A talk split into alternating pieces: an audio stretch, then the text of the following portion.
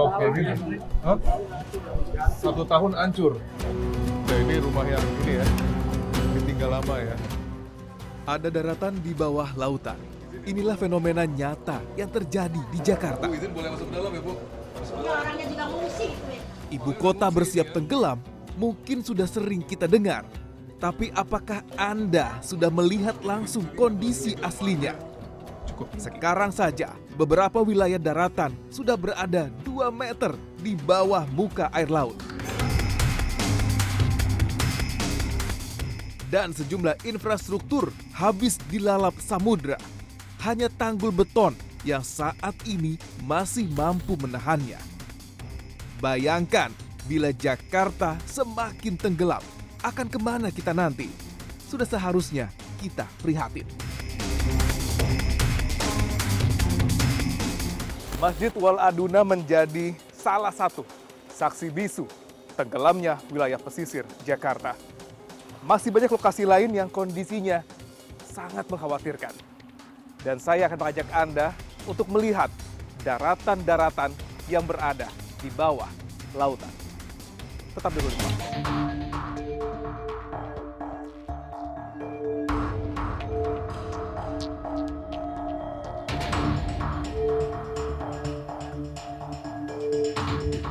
Sore itu, di sebuah cerukan laut yang berbatasan dengan daratan, segerombolan anak asik berenang. Diterpa sinar matahari sore yang kekuningan, mereka asik menyelam dan bercanda di laut. Tak peduli, mereka berenang di antara tumpukan sampah, kayu-kayu dengan paku berkarat, dan air laut yang sudah sangat hitam. Bagi mereka, inilah hiburan dan sumber kesenangan sebelum tempat tinggal mereka benar-benar habis dilalap samudra. Mereka adalah anak-anak kampung Gedung Pompa Pluit Penjaringan Jakarta Utara. Wilayah yang sudah terendam dan berada jauh di bawah muka air laut. Dari batas tanggul kampung Gedung Pompa Pluit ini, saya bisa dengan jelas melihat kenyataannya bahwa ada masalah di pesisir Jakarta. Bahwa kampung ini berada 2 meter di bawah muka air laut. Tanggul kokoh yang terbentang sejauh 3 km di Pluit ini dibangun pada tahun 2007 karena air laut yang terus masuk ke pemukiman warga. Dan hingga saat ini, tinggi tanggul terus ditambah karena air laut yang juga terus naik dan terus pula merendam kampung. Saya bertemu dengan Emi, warga asli kampung Gedung Pompa. Sepanjang ingatan Emi, dulu wilayah ini dikenal sebagai pelabuhan kapal ikan. Pantainya landai dan kerap menjadi tempat bermain ketika ia kecil dulu. Tapi kini semua berbeda. Tak ada lagi kapal ikan. Tak ada lagi pasir untuk bermain, bahkan untuk berenang pun ia enggan bukan kepala. Ini kabel listrik nih, atau kabel apa nih? Ini kabel wifi. Sini, Ini Mbak. dulu lautan. Dulu ini semua laut semua nih ya? Ini dulu lautan, nggak ada nggak ada beginian nih. Aha, Ini dulu sempat jalanan, oke. jalanan. Berarti tanggul ini ada di 2000 Ini tanggul baru kemarin, tahun kemarin. tahun kemarin. Mm-mm. Oke, Ini jadi bertahap ya dibangun tinggi-tinggi ya? Pokoknya semenjak ada proyek di Gedung Kompa, akhirnya di sini dibangun karena sering banjir terus ya. Aha. Akhirnya mungkin pemerintah simpati, Aha. makanya di sini di tanggul. Tambahin tanggul. Berarti mulai mulai tahun berapa Mbak Emi ngelihat kayaknya muka air laut udah tinggi-tinggi-tinggi terus nih? Pokoknya ada perubahan-perubahan banyak lah semenjak ada pembangunan-pembangunan di sana. Mhm. Jadi air mungkin naik, naik. Makin naik-naik. Hmm. Jadinya kayak sekarang nih, Waktu jebol tanggul satu meter setengah satu meter setengah. Tenggelam semuanya. tenggelam. Hmm, Sampai orang-orang pada ngungsi. ada ngungsi semua. Nah sekarang aja lautannya jadi begini. Ini dulu tempat mainan saya. Dulu apa emang sekotor ini Mbak? dulu nggak nggak sekotor ini. Hmm. Dulu sempat bersih lah namanya nggak ada beginian kan ini dulu perahu semua. Oh perahu nelayan Perahu-perahu semua ya? nelayan semua. Aha, aha. Batas paling tinggi sampai semana air di sini kalau lagi pasang? Kalau lagi pasang kayaknya udah nggak kelihatan deh. Paling Berarti sama sama ini, sejajar? segini aja nih. Sejajar ini? sejajar ini nih. Oh, bawah sini sejajar. Karena Pernah luber lagi? udah enggak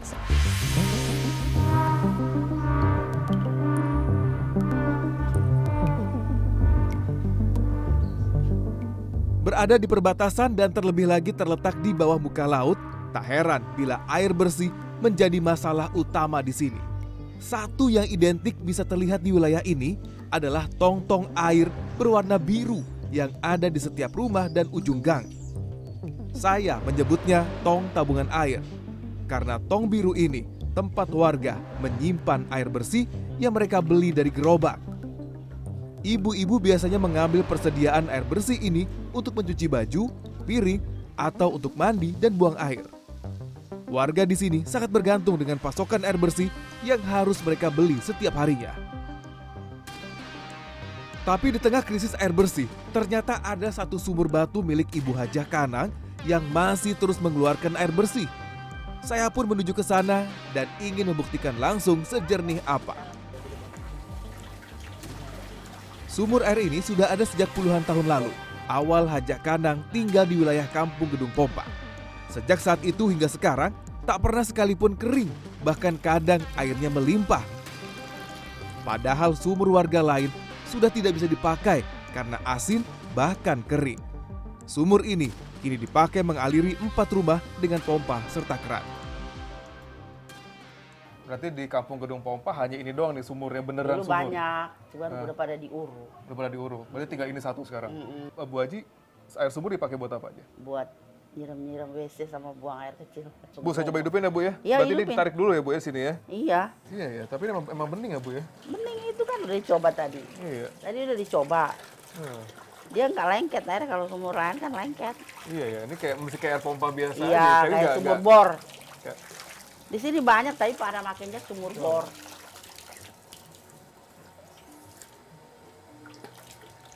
nggak terlalu payah ya Bu ya. Iya, apalagi kalau musim hujan cuman, nih. cuman antah-antah aja rasanya ya. Kalau hujan Iya. itu bening tawar banget kayak air ledeng. Kayak ledeng malah ya, kalau air hujan. Nggak ada rasa kayak Nggak payo ada. yang terlalu Nggak ada asin, rasa itu nggak nggak ada. ada. Padahal Nggak ini kalau kita lihat dari saya sekarang berdiri sampai Nah, depan paling Ini kan kemarau nih. 200 meter ya Bu ya, Iya. ke laut ya. Iya benar. Ya, Ibu Haja Kanang bisa dibilang lebih beruntung meski tinggal di kampung yang sewaktu-waktu bisa langsung habis di lalap samudra. Namun, ia masih punya air yang cukup jernih.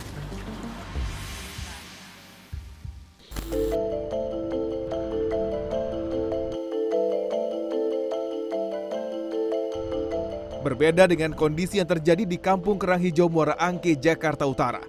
Ditemani Pak Waria, ketua RT-nya, saya bertemu dengan Ibu Tati. Di dekat rumahnya dipasang sumur air bersih untuk memenuhi kebutuhan air di RT 6. Namun sejak sebulan lalu, sumur ini mengeluarkan air yang sangat asin hingga akhirnya kering. Pas keluarnya tuh airnya kayak susu, langsung keruh, langsung keluar apa ya air pas ibu coba airnya asin, Asin kayak air laut. asin air kayak laut. Padahal ini kita ngelola air bor ini udah lima tahun pak dari tahun 2018. Selama lima tahun itu kondisi airnya bagus, bersih. Bagus, alhamdulillah jernih. Aha. Kalau pipa ini berapa dalamnya? Yang kita Berapa pernah ini? kita de- itu 120 meter kedalamannya. 120 meter. Baru Cuma- bisa dapat air bersih yang itu. Betul. gitu. Padahal dulu ketika ini masih berfungsi, ini menjadi sumber air di RT 6, Betul. ditaruh di toran, kemudian dari toran disalurkan ke rumah-rumah Betul. warga ya. Sa- Waktu awal sampai 70 rumah, Pak. Bisa Kita- diairi sama ini. Bisa diairi. Sekarang udah kosong. 24 jam, cuma istirahat satu jam, dua jam kita start lagi. Tidak hanya dilanda kesulitan air bersih, warga kampung juga kerap was-was akan tingginya banjir rob yang akan melibas rumah mereka dengan terjangan ombak pasang.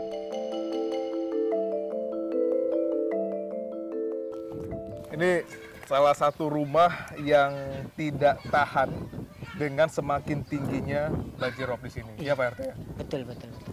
Berarti kalau dikatakan sekarang sama sekali tidak pernah dihuni lagi. Iya.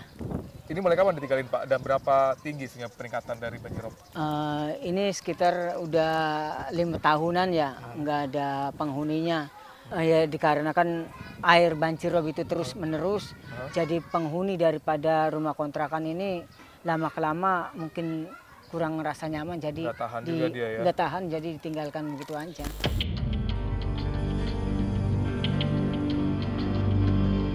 Berapa kali nguruk, Bude?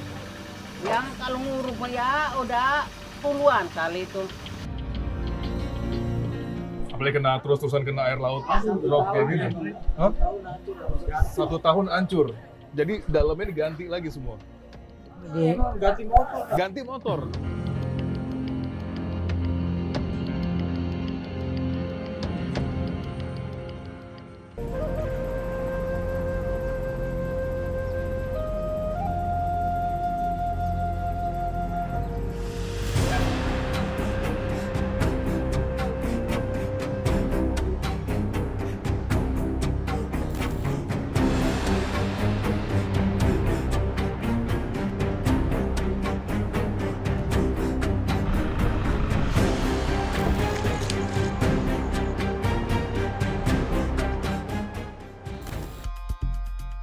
Sore itu, ketika matahari mulai terbenam, burung laut mulai terbang kembali ke sarangnya. Ini tanda warga di Kampung Kerang Hijau mulai menghentikan aktivitas melaut mereka. Kapal-kapal pencari ikan sudah lama bersender di pelabuhan usai bongkar muat hasil tangkapan.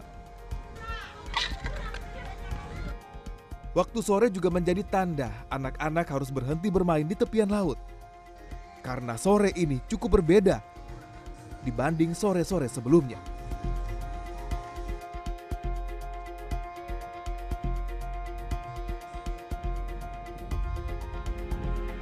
Matahari terbenam terlihat bulat penuh dengan rona jingga menghiasi langit pesisir utara Jakarta. Ini menjadi salah satu penanda masuknya bulan baru Hijriah atau masa bulan purnama. Dan kampung kerah hijau akan diterjang puncak banjir pasang.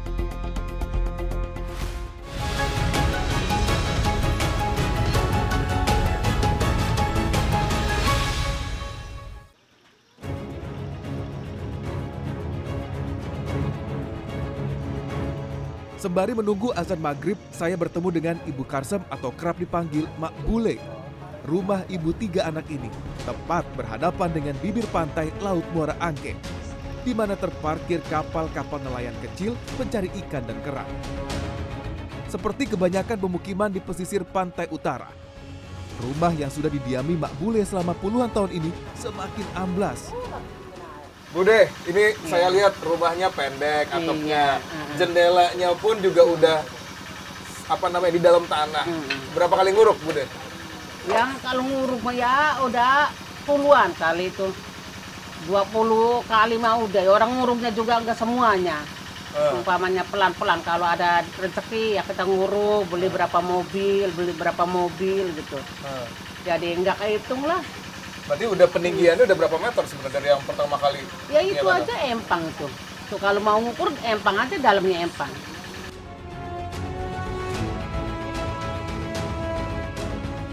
Saya pun diajak untuk melihat kondisi langsung separah apa amblasnya.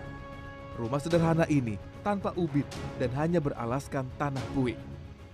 Tempat tidurnya pun dari papan kayu yang dialasi sepanduk plastik. Semua perabot ditaruh lebih tinggi karena sering tergenang air laut. Mbak Bule, biasanya Iya. kalau lagi pasang lagi tinggi-tingginya, sampai semana Mas Bule? Mbak Bule? Ya ini nih perbatasannya nih. Ini, Ini? Iya. Batu-batu bataku yang di bawah kulkas ini? Iya, tuh. Berarti kira-kira sekitar 30-40 cm Mbak? Iya. Berarti ini kena dong? Mbak? Kena itu lemarinya tuh apa pada rembes. Rembes Oh, semua. ya itu rusak tuh. Kena banjir itu. Kadang-kadang masuk gini nih di dalam tuh. Di dalam rumah ini? Iya, dalam se- Setinggi paha sini? Iya, sepaha. Uruk terus, uruk terus. Karena Iya, kan pasang makin lama makin naik nih, Mbak. Mm-mm. Ya kalau uruk terus ini ntarnya gimana? Ntar palanya nempel sama ini plafon. plafon.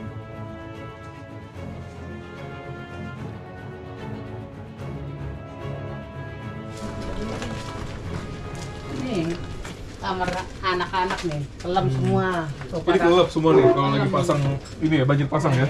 Ini aja tuh tinggi ini. Oh, ini ditinggiin juga semua di sini ya. Iya. Bagian belakang. Bagian belakang tuh pada ngambak semua, kadang-kadang belum pada tumpah. Di sini kan rendah nih, Mbak. Iya. Sampai mana batas banjirnya di sini? Ya ini Segitu juga. Ini nih. Oh. Ini semuanya ngambang semua dia. Ngambang semua itu. Makanya ini sepeda digantung Sepeda digantung semua ya.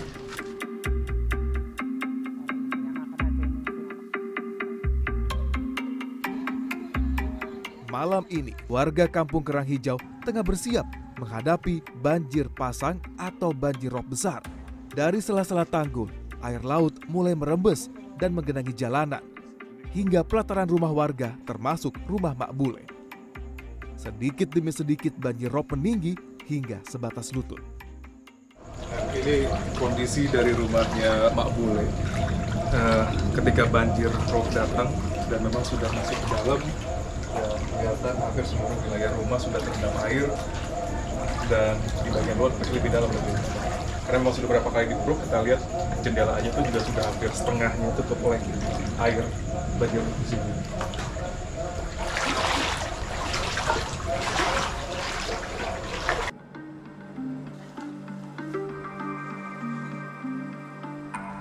Malam ini adalah malam pengajian. Bersama ibu-ibu lain, Mak Bule berangkat ke musola meski harus menerjang banjir. Pak Warya, Ketua RT 6 Kampung Kerang Hijau, mengajak saya untuk keliling kampung melihat realita warganya yang terus-menerus terkena banjir pasang. Tidak ada hujan, banjir terus. Iya, Ini kondisi yang terus dialami warga di Pluit Penjaringan ya Pak? iya di Terutama di waktu-waktu kapan warga akan mengalami banjir seperti ini nih Pak? bulan uh, tanggal muda di situ terus terjadi lagi mengalami seperti ini pada saat bulan pertama di situ. Nah, lihat nih motor aja udah nggak bisa dipakai. Iya. Buat warga juga terpaksa untuk tidur Iya. tambah tak level lagi nih kalau lihat sebentar.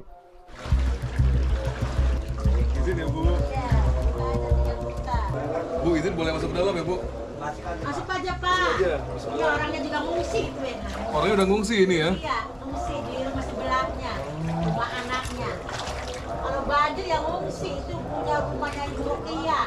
Ya, jadi di sini memang dibilang warga pemilik rumah tiap banjir rob apabila tinggi ya terpaksa harus mengungsi. Jadi rumah dibiarkan kosong dan dititip sama tetangga aja. Lihat kondisinya seperti apa. Tidak ada hujan, ini banjir karena memang pasang air laut, terutama ketika mendekati bulan purnama.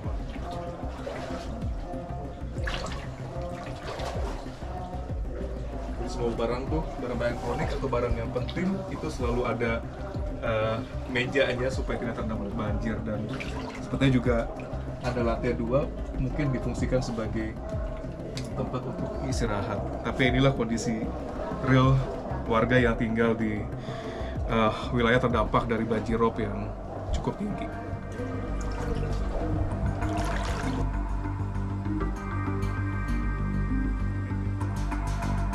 Warga pun memilih pasrah.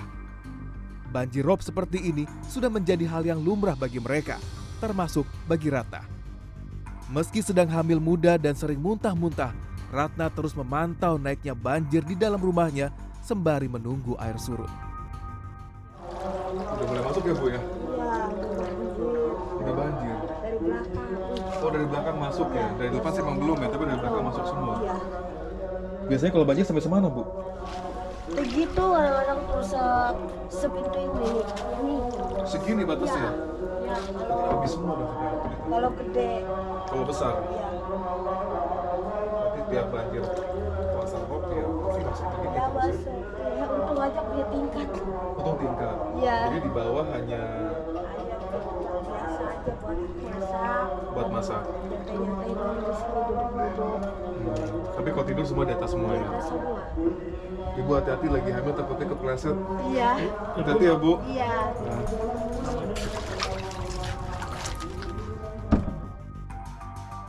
Tidak hanya rumah yang terus diperbaiki, motor warga pun harus mendapatkan perawatan khusus. Tiap batang besi terutama di rangka motor harus dilapisi gemuk dan dicat ulang agar tidak keropos akibat terendam air laut terus-menerus. Jadi motor di sini harus Sering Iya. Biar nggak Dikasih cepet gemuk. patah sasisnya. biar nggak cepat patah. Iya. Soalnya kan kalau kalau nggak dikasih begitu cepet patah kena Air laut terus ya. orang udaranya aja bisa Karat di situ. Oh dari udara aja bisa bikin karatan kendaraan ya motor ini ya. Apalagi kena terus-terusan kena air laut drop kayak gini. Hah? Satu tahun hancur. Jadi dalamnya diganti lagi semua. Jadi, Ganti motor. iya. Ini Kalau nggak diurusin. ini salah satu cara supaya lebih tahan di situ.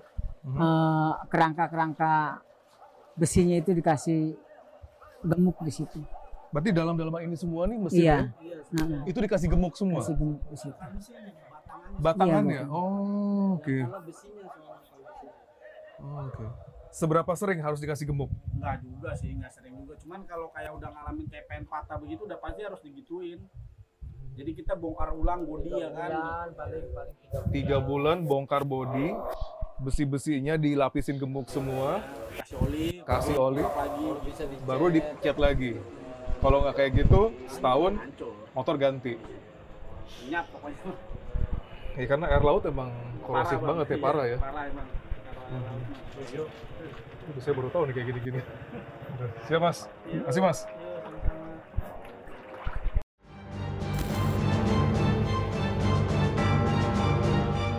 Kalau Bu Dewi inget, dengan kondisi kan kemarin dermaga pelabuhan ya, berarti sering main di sini. Ya sering. Sering sholat itu juga dong berarti? Iya, di sini ada pemukiman juga.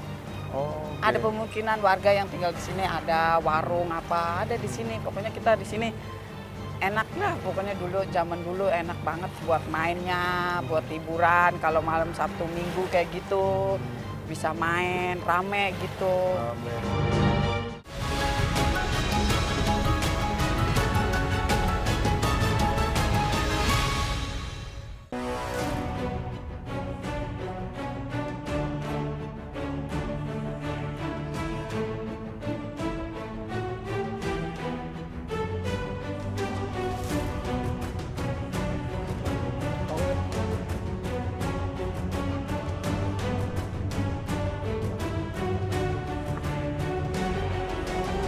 Wilayah pesisir utara menjadi wilayah paling parah terkena dampak menurunnya muka tanah dan naiknya muka air laut di ibu kota.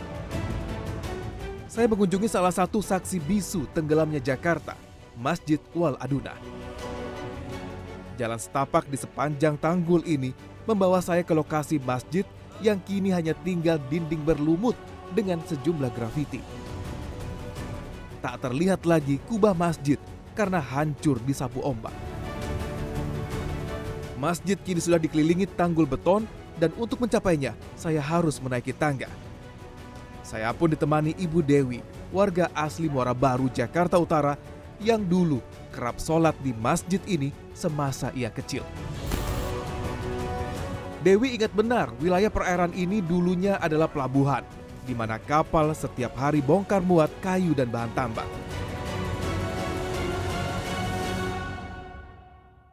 Bu Dewi bisa turun ke bawah kita? Bisa. Oke, kita Ibu mau duluan saya pegangin? Iya. Atau gimana? Bismillah. Bismillahirrahmanirrahim.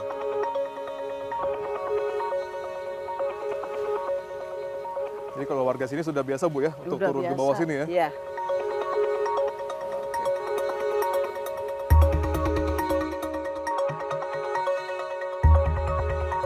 Nah, di sini banyak kapal-kapal kayu, dermaga buat kayu-kayu dari mana gitu. Kita bisa main di sini, bisa sholat. Sempat sempat berarti sempat ngerasa bahwa ini semakin turun. Ya, karena permukaan air laut makin lama makin naik, ini Oh. makin turun. Jadi permukaan air laut makin ke Makin makin sini. ke Oh, pemukiman gitu.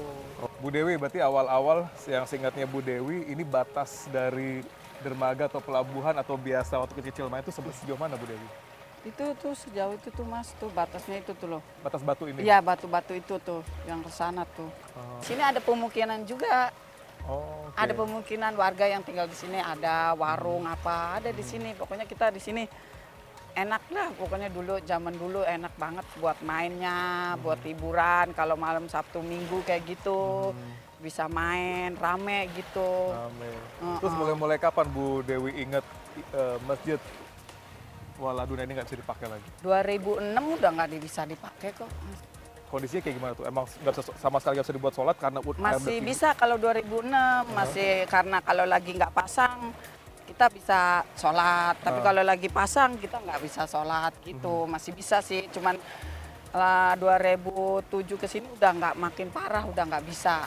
Nah akhirnya Gitu. dibangun tanggul pertama batasnya Ini. semana? Ini ya batas pertama. Ini, iya. Oh, ini yang pendek ini. Heeh. Oke. Ini lagi zamannya Ahok gubernur dibangun jadi makanya lebih dia tinggi. Heeh. Kalau pasang paling tinggi sekali sempat semana? Kita kalau itu sampai ke rumah warga sih mas kalau lagi pasang-pasang banget. Ini lewat berarti? Bukan lewat, dia merembes mas, merembes. Oh rembes. Kan dia udah iya itu udah banyak yang merembes nih. bolong-bolong ya iya udah rusak udah ya? banyak, Aha. udah banyak merembes.